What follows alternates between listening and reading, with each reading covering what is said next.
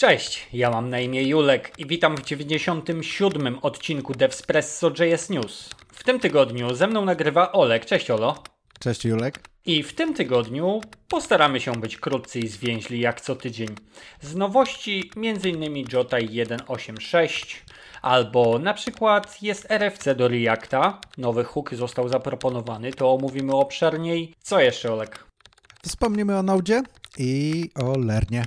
O, to też ciekawe. No to zaczynajmy. Devspresso. Newsy przedstawi dzisiaj Julek. I Olek. Na początek proponuję Red Monk Programming Language Ranking na June 2022. Także Okej. na czwarty kwartał. I ten ranking jest interesujący o tyle, że koledzy z Red Monk zbierają dane w oparciu o API z GitHuba oraz Stack Overflow i Mhm. zbierają i zestawiają to pod kątem ilości merge requestów i puli na, na GitHubie oraz toczących się dyskusji na Stack Overflow i w oparciu o to tworzą tabelę, jakie języki są najpopularniejsze programowania obecnie. Aha, czyli rozbudowany system tworzenia, tak, całego rankingu i Stack Overflow i GitHub porównują i coś z tego dopiero wychodzi, tak? Robią to nie w oparciu o survey z deweloperami, tylko o stricte Aha. dane, które możesz dostać z GitHuba bądź Stack Overflow. Mhm. Takie mają podejście. Mhm. Okej, sure. Jasne, jest to ciekawy pomysł. Jak sami w ramach disclaimerów zaznaczają, wiadomo, że niektóre języki będą niżej w drabinie, bo mają swoje dedykowane Mhm. serwisy, gdzie ludzie o tym rozmawiają, tak? I czy bardziej popularne rozwiązania. Takie podejście przyjęli i, i takie prezentują. Powiem ci, no można powiedzieć bez zaskoczeń, JavaScript jest na pierwsza. Jakoś Okej. tak wychodzi. Drugi Python też nie zaskakuje nas Aha.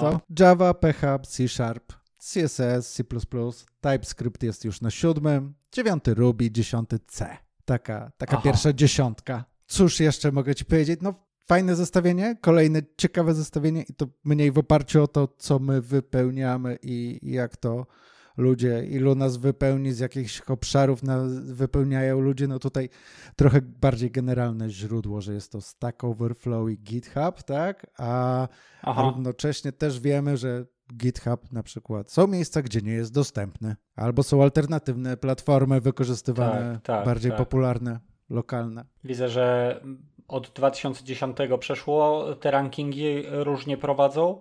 e, Częściej, rzadziej, ale starają się być systematyczni. Rzeczywiście ta metodologia jest inna niż po prostu pytać ludzi, no nie? Ale ciekawostka to tutaj widzę graf porównania popularności na GitHubie i popularności na Stack Overflow. I Visual Basic.net na GitHubie ma prawie 0, ale na Stack Overflow wchodzi na 90%, nie? No dyskusje się Akurat. toczą, problemy istnieją, Aha. wiemy jak jest, tak? Ale Tak, tak, tak. e, wiesz, nie byłbym zaskoczony, gdyby korzystali jednak z innego repozytorium zdalnego. Bo, bo no, No, GitHub oczywiście. E, Też nie wiem jak, jak ty, ty, niektóre firmy lubią GitHuba, inni robią sobie Mhm. na Bitbuckecie, inni Tak, GitLaba. Wbrew pozorom możliwości jest o wiele, wiele więcej, a przyjęło się i, i mówi się najpopularniejsze i dużo gwiazdek i dużo liczb stamtąd mamy, a fakt, że przejął to Microsoft, no nawet nie wspominajmy. No tak. Ja, ja mam wszystkie te rozwiązania do hostowania swojego kodu, więc jakby u mnie się i tak statystyk nie doszukasz. No ale tak, widzę czołówka cały czas jest ta sama, nie ma co się dziwić, nie ma co się rozwodzić w takim razie, chociaż CSS na szóstym, a TypeScript na siódmym to daje do myślenia. Ale dobra, idę dalej. Następna informacja na ten tydzień.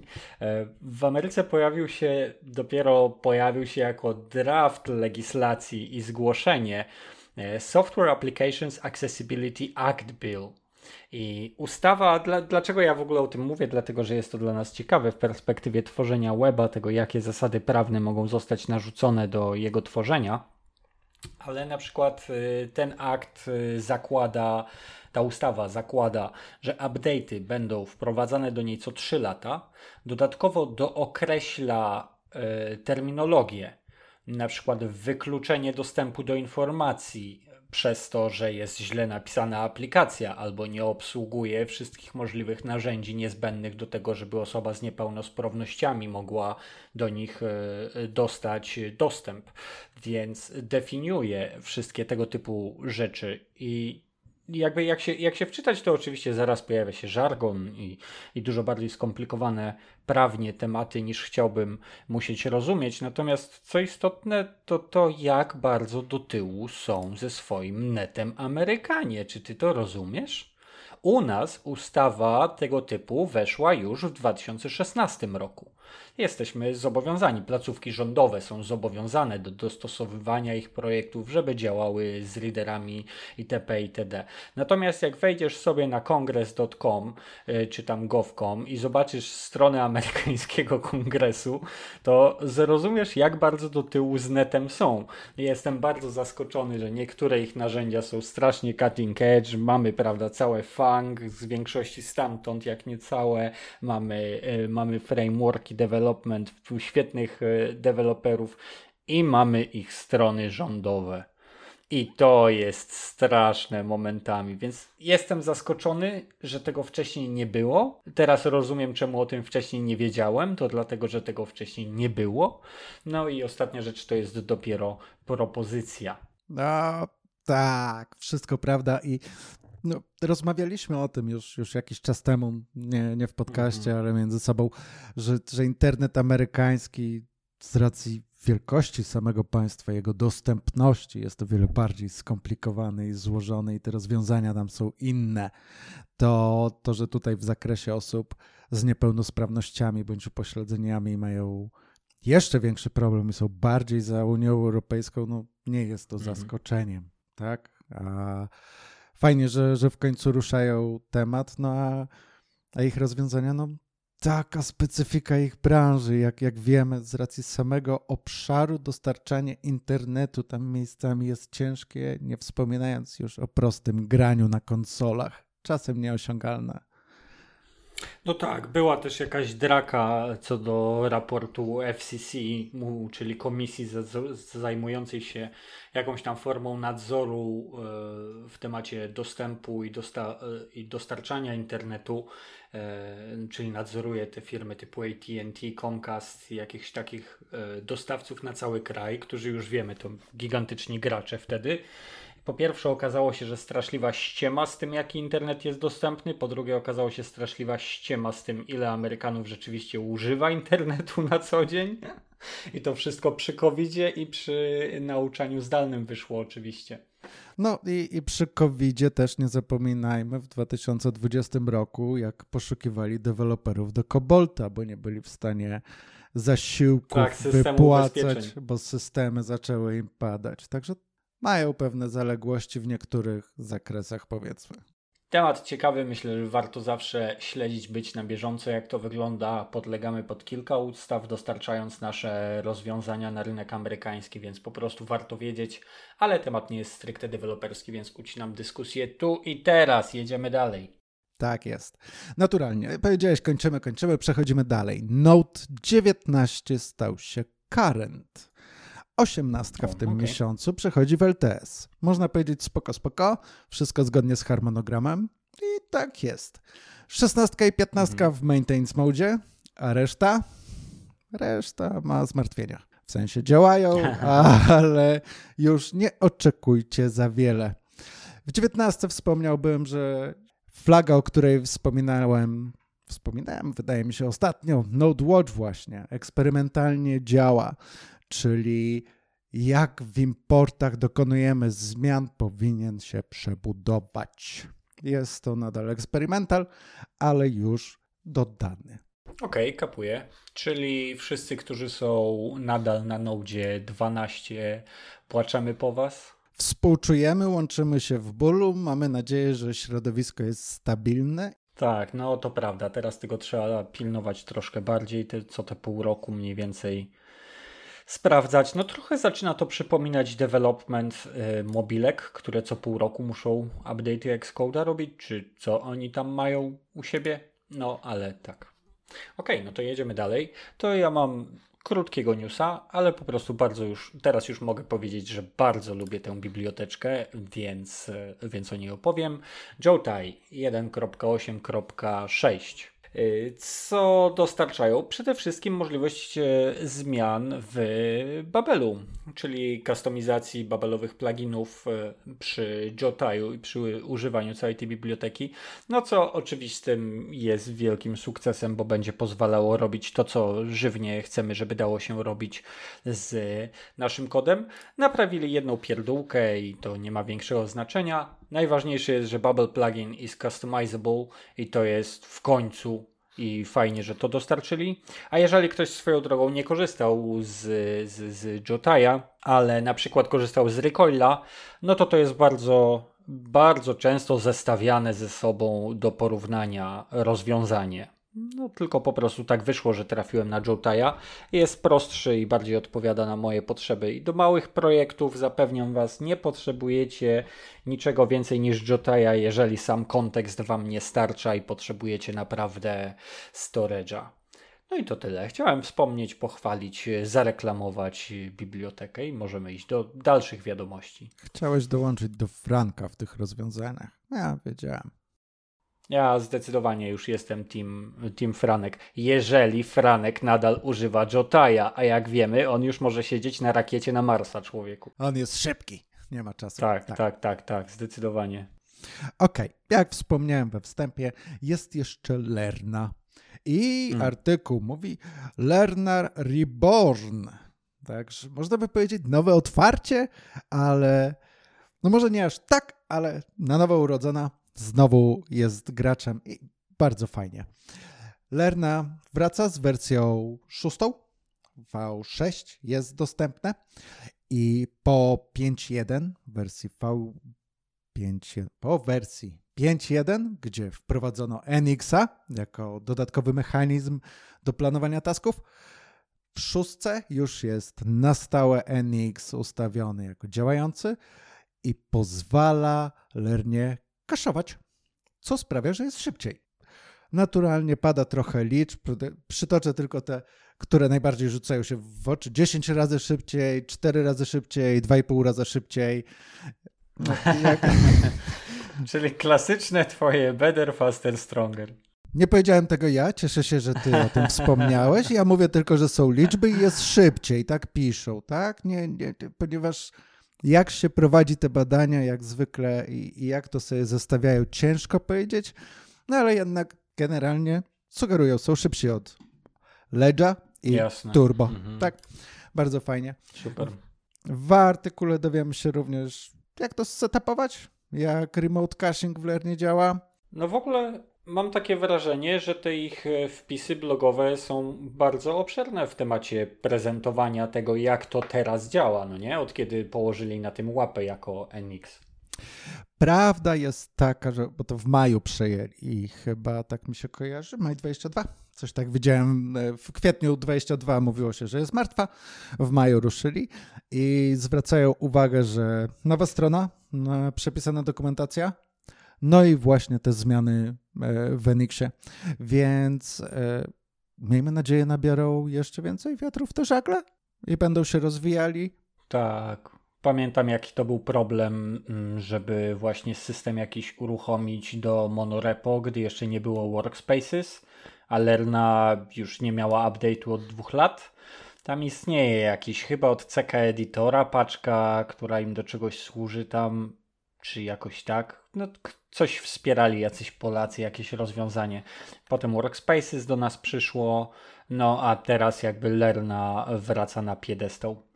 To, co tutaj jeszcze jest, jest fajne i zwróciło moją uwagę.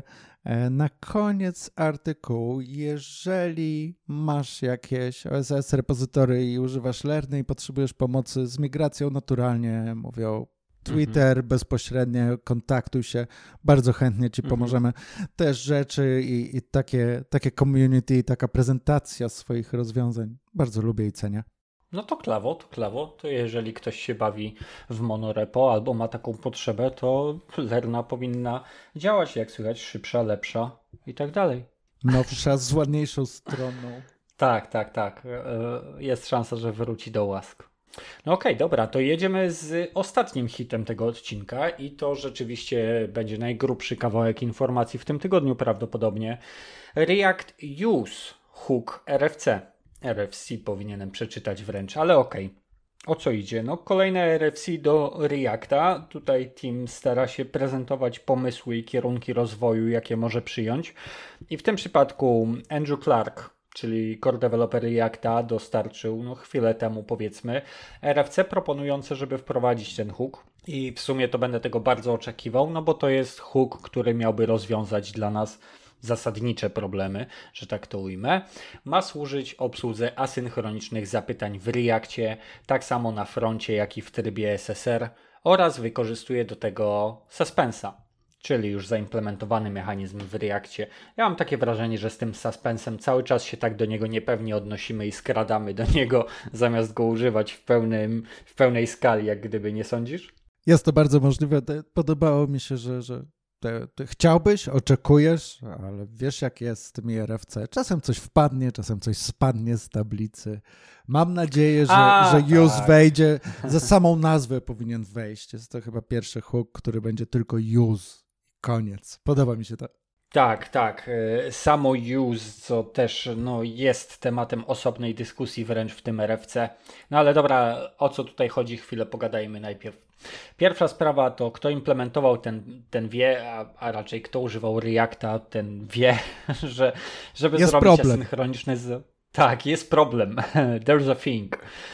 E, żeby zadać asynchroniczne zapytanie, trzeba do tego, e, żeby to zaszło gdzieś w jakimś lifecycle hooku, trzeba działać trochę tak jakby wbrew dobrym praktykom i kombinować. I każdy kombinuje po swojemu, i każda biblioteka kombinuje po swojemu, i w ogóle. Bo ponieważ a i owszem, a zalisz, trzeba definiować asynchroniczne zapytanie na przykład bezpośrednio w useEffectie, a następnie je wywoływać, żeby useEffect miał tą asynchroniczną funkcję, żeby to przyjął, nie krzyczał na nas i zrealizował swój zamierzony cel. Jest to przynajmniej niewygodna sprawa. Niektóre biblioteki ułatwiają życie i dają możliwość obsłużenia zapytań gdzieś pod spodem, a nam wystawiają tylko zmienne, które definiują stan tego zapytania, no nie? Czyli dostajesz is loading, is error albo data klucze, to znaczy... a samemu musisz się obsłużyć warstwą, yy, samemu musisz obsłużyć warstwę yy, logiki tego wszystkiego, no powiedziałbym, że chowają część tych problemów przed nami i, i dostarczają ci za to zmienne, które właśnie wykorzystujesz, tak? Tak, dokładnie tak. Dokładnie tak. No, useQuery na przykład pięknie w tym wszystkim służy, ale do useQuery jeszcze dobrze jest y, dołożyć Axiosa na przykład i wtedy dopiero będziesz miał jakiś tam gotowy setup pod to wszystko.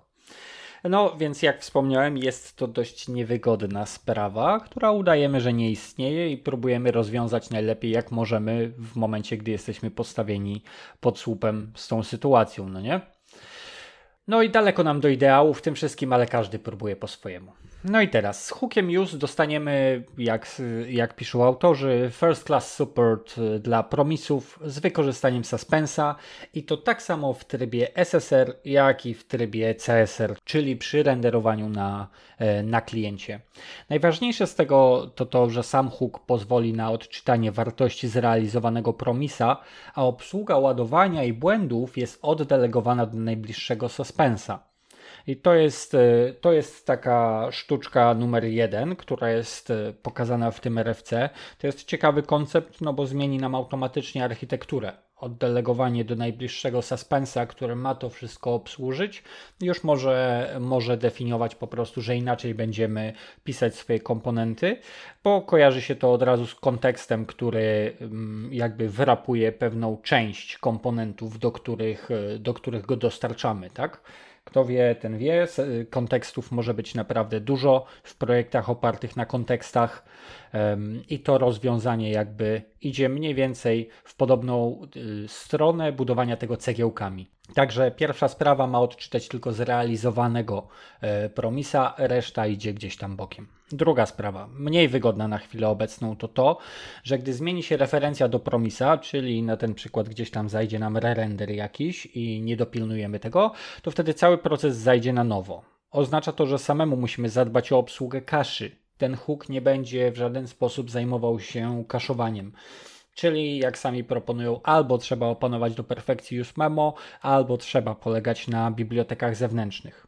To trochę low level, że decydują się, by tego nie było w tej propozycji właściwie, zostawiają swobodę cały czas, ale z drugiej strony nie wiem, czy nie wolałbym, żeby to też od razu tutaj usiedlić, no nie? No, ale jak od razu to włożysz, to później jesteś na to skazany, tak? A mimo No tak, wszystko zostawiamy ogólny, jak najwyżej w abstrakcji, jakiś koncept, dajemy go użytkownikowi, a jak go będzie wykorzystywał jego wybór, tak? Jak, jak wiemy Mhm. Też w, prawda. w Tak. Reakcie masz wolną rękę i możesz sobie tym use memo jak chcesz, ile chcesz, a to czy będzie działało, to osobna kwestia. Za to, za to odpowiadają starsi koledzy, pilnują, sprawdzają, weryfikują. Twoje życie chyba nadal jest proste, co? tak, Zaczekajmy jeszcze rok czy dwa. robię co Okej. mogę, żeby tak pozostało. I ostatnia, trzecia sprawa z tym RFC, to chyba najbardziej niewygodna na ten moment, bo hook use, słuchaj tego, będzie mógł być wykorzystywany w wyrażeniach warunkowych. Można go na przykład zagnieździć w ifie. O, jak cudownie. Coś. To, to brzmi jak problemy z JS-em w CSS-ie i CSS-em w JS-ie i to brzmi jak straszny bałagan. To brzmi jak umożliwienie tworzenia bałaganu, prawda? To też jest dla mnie tak trochę, no kurczę, po to mamy te hooki, które działają na określonych zasadach, żeby może trzymać się tych zasad. Czemu tu chcemy to odpuścić? Ale Julek Ach, jeden ach, i ach, ach, więcej nic nie zmieni. No na pewno, bo może był niezbędny.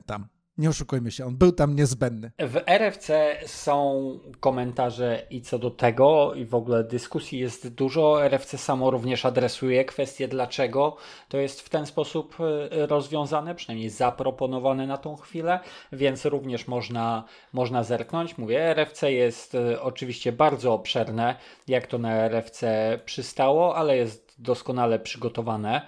No a dyskusje toczą się już w wielu miejscach i, i na temat wielu wątków w tym wszystkim zawartych. Nie poruszam w ogóle kwestii tego, jak to działa i czy ma działać na serwerze, na server-side renderingu z reaktowymi komponentami, co wspierać, czego nie, więc właściwie skończę już gadanie. Koncept jest super spoko. Wiemy, że jakieś rozwiązanie jest potrzebne i może istnieje w końcu możliwość, żeby zostało wprowadzone do Reacta, ale wiemy też, że RFC Use Event poszło do piachu. Mówiliśmy o tym w odcinku 94, więc taki hook tam nie powstanie na przykład. No i nie ma co się w tej chwili zastanawiać na dobrą sprawę, ale za to na pewno można się zaangażować. Można spokojnie iść przeczytać i wyrazić swoją opinię albo zacząć rozmawiać z ludźmi, bo React jest prowadzony w pełni transparentnie na no, na, w, na tyle w pełni, na ile uważamy, że jest w pełni na GitHubie. I to właściwie koniec tej wiadomości. Tak, tak, a dokumentacja jak zwykle RFC y, lubię, podziwiam i, Mhm. i daje zawsze jakiś pewien głębszy obraz, jak postrzegają architekturę i rozwiązania sami deweloperzy w Tak. Reakcie, więc bardzo miło się to czyta, nie jest za długie, a z, zwraca uwagę i dla mnie zwykle otwiera oczy bądź przybliża dodatkowe problemy, na które człowiek sam się nie natknął, a jak Mhm. widać, ktoś o nich pomyślał bądź sam spotkał, więc bardzo miłe. A, a sam use, tak jak rozmawialiśmy na samym początku, tak fajnie by było, bo jednak kombinowanie i takie drutowanie mm-mm, mm-mm, nie lubimy. Fajnie No. by było, żeby to takie rozwiązanie weszło bądź coś podobnego w tym zakresie. Tak, tak, dokładnie. Jeszcze tylko w takim razie dopowiem na sam koniec y, na temat tego RFC i dlaczego zachęcam Was, żebyście tam weszli. Jest zapowiedź w tym RFC, że use y, y, tylko na początku ma wspierać samą kwestię egzekucji zapytań asynchronicznych, czy wykonania zapytań asynchronicznych. Docelowo w następnym kroku ma być możliwość wywołania use kontekst do obsługi kontekstu reaktowego przy pomocy hooka use zamiast posługi, posługiwania się use context e, który już istnieje i tu też można przeczytać dlaczego. Ja uważam, że to już jest pokręcony koncept, e, żeby aż tak szło, e, ale dobra, zostawiam to na poziomie RFC, zobaczymy co się wydarzy dalej. I to tyle z mojej strony w tej materii. Ja już tu nic nie wniosę. Dziękuję Ci bardzo. Ty już nic nie masz? Dobra, to ja też już więcej nic nie mam. Wierzę, że wyczerpaliśmy wszystkie opcje z tego tygodnia, nic więcej się nie dzieje. Mam wrażenie, że zbliżamy się do okresu konferencji, dopinania roku, raportów i, i znowu stawiają Devspresso wszyscy w jakiejś niewygodnej sytuacji po prostu, gdzie żadne największe rzeczy, nic takiego piu pu, tu, pu, pu, pu, wielkiego z laserami z siebie nie wydają w tym momencie jakby. No, kończymy czwarty kwartał, zmierzamy do świąt, jedziemy na ferie. Koniec tego dowożenia. Ileż można. Dobra, to dzięki wielkie, że wpadłeś w tym tygodniu, Olek. Dziękuję Ci, Julek. Dobra, no to lecimy. Dzięki wielkie, do usłyszenia w przyszłym tygodniu, gdzie spotkacie się ze mną i z kimś z zespołu z Devspresso. Na razie, cześć. Dzięki, cześć. Devspresso.